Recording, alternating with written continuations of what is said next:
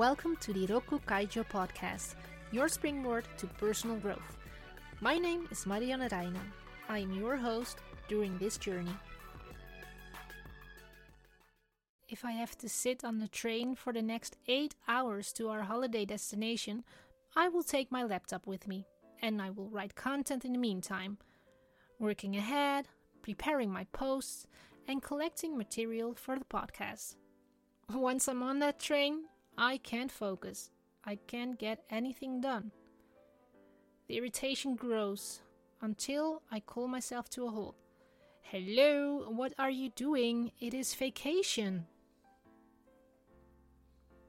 In the previous episode, we discussed some misconceptions about resilience. This time, we are going to take a closer look at an important core idea, namely, resilience is about how you recharge yourself after an energy guzzling situation. It's not about how you are holding up. Back to that train journey. For me, resilience meant, in one word, toughness. Always being busy, persevering, disciplined from A to B to C, etc. That is strong, isn't it? And the longer I keep it up, the stronger and more resilient I am right? Well, I was wrong. Scientific research shows that this whole idea of persistence is completely wrong.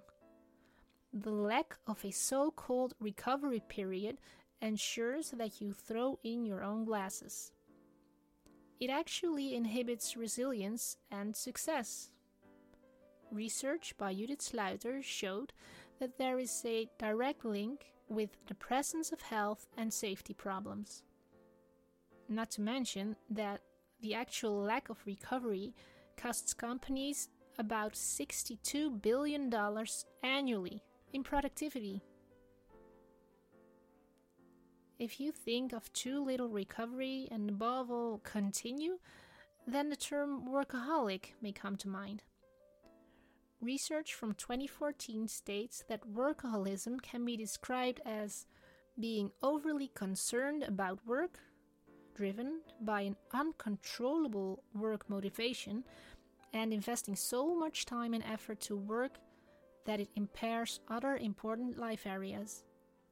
And yes, that starts with talking about your work in the evening, thinking about it, brooding on solutions before going to sleep.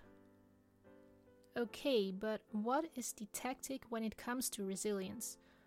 Briefly, try something. Stop, recover, try again. Jim Loehr and Tony Schwartz state the following in their book The Power of Full Engagement.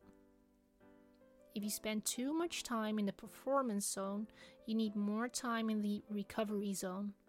Otherwise, you will risk a burnout. Clear language.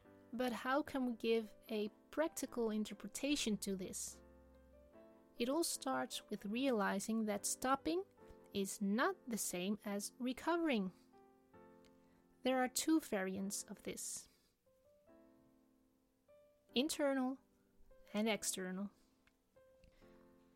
Internal. Take an extra break. Do something else in between.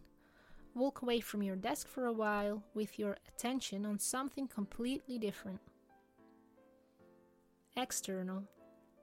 If you close your laptop at 5 o'clock in the afternoon, but then continue to stimulate your brain activity by, for example, scrolling through your Twitter feed, commenting on LinkedIn, and reading news items, you still won't rest. As much as we like to convince ourselves that scrolling on our phone gives peace of mind. The same goes for endless thinking about renovating your kitchen. The brain doesn't shut off.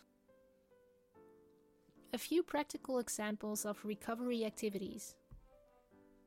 If you like, use apps that support you to not use your phone in certain time blocks due to the automatic airplane mode.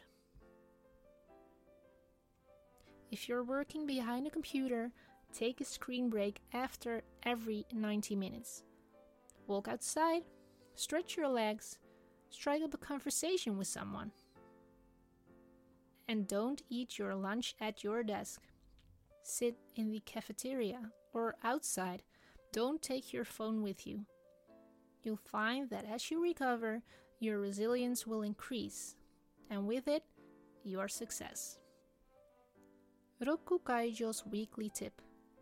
Try out one of the practical examples. Automatic airplane mode, screen pause every 90 minutes, lunch outside or in the cafeteria without a phone. I'm very curious how you like that. Be sure to let me know. Thanks for listening to the Rokku Kaijo podcast.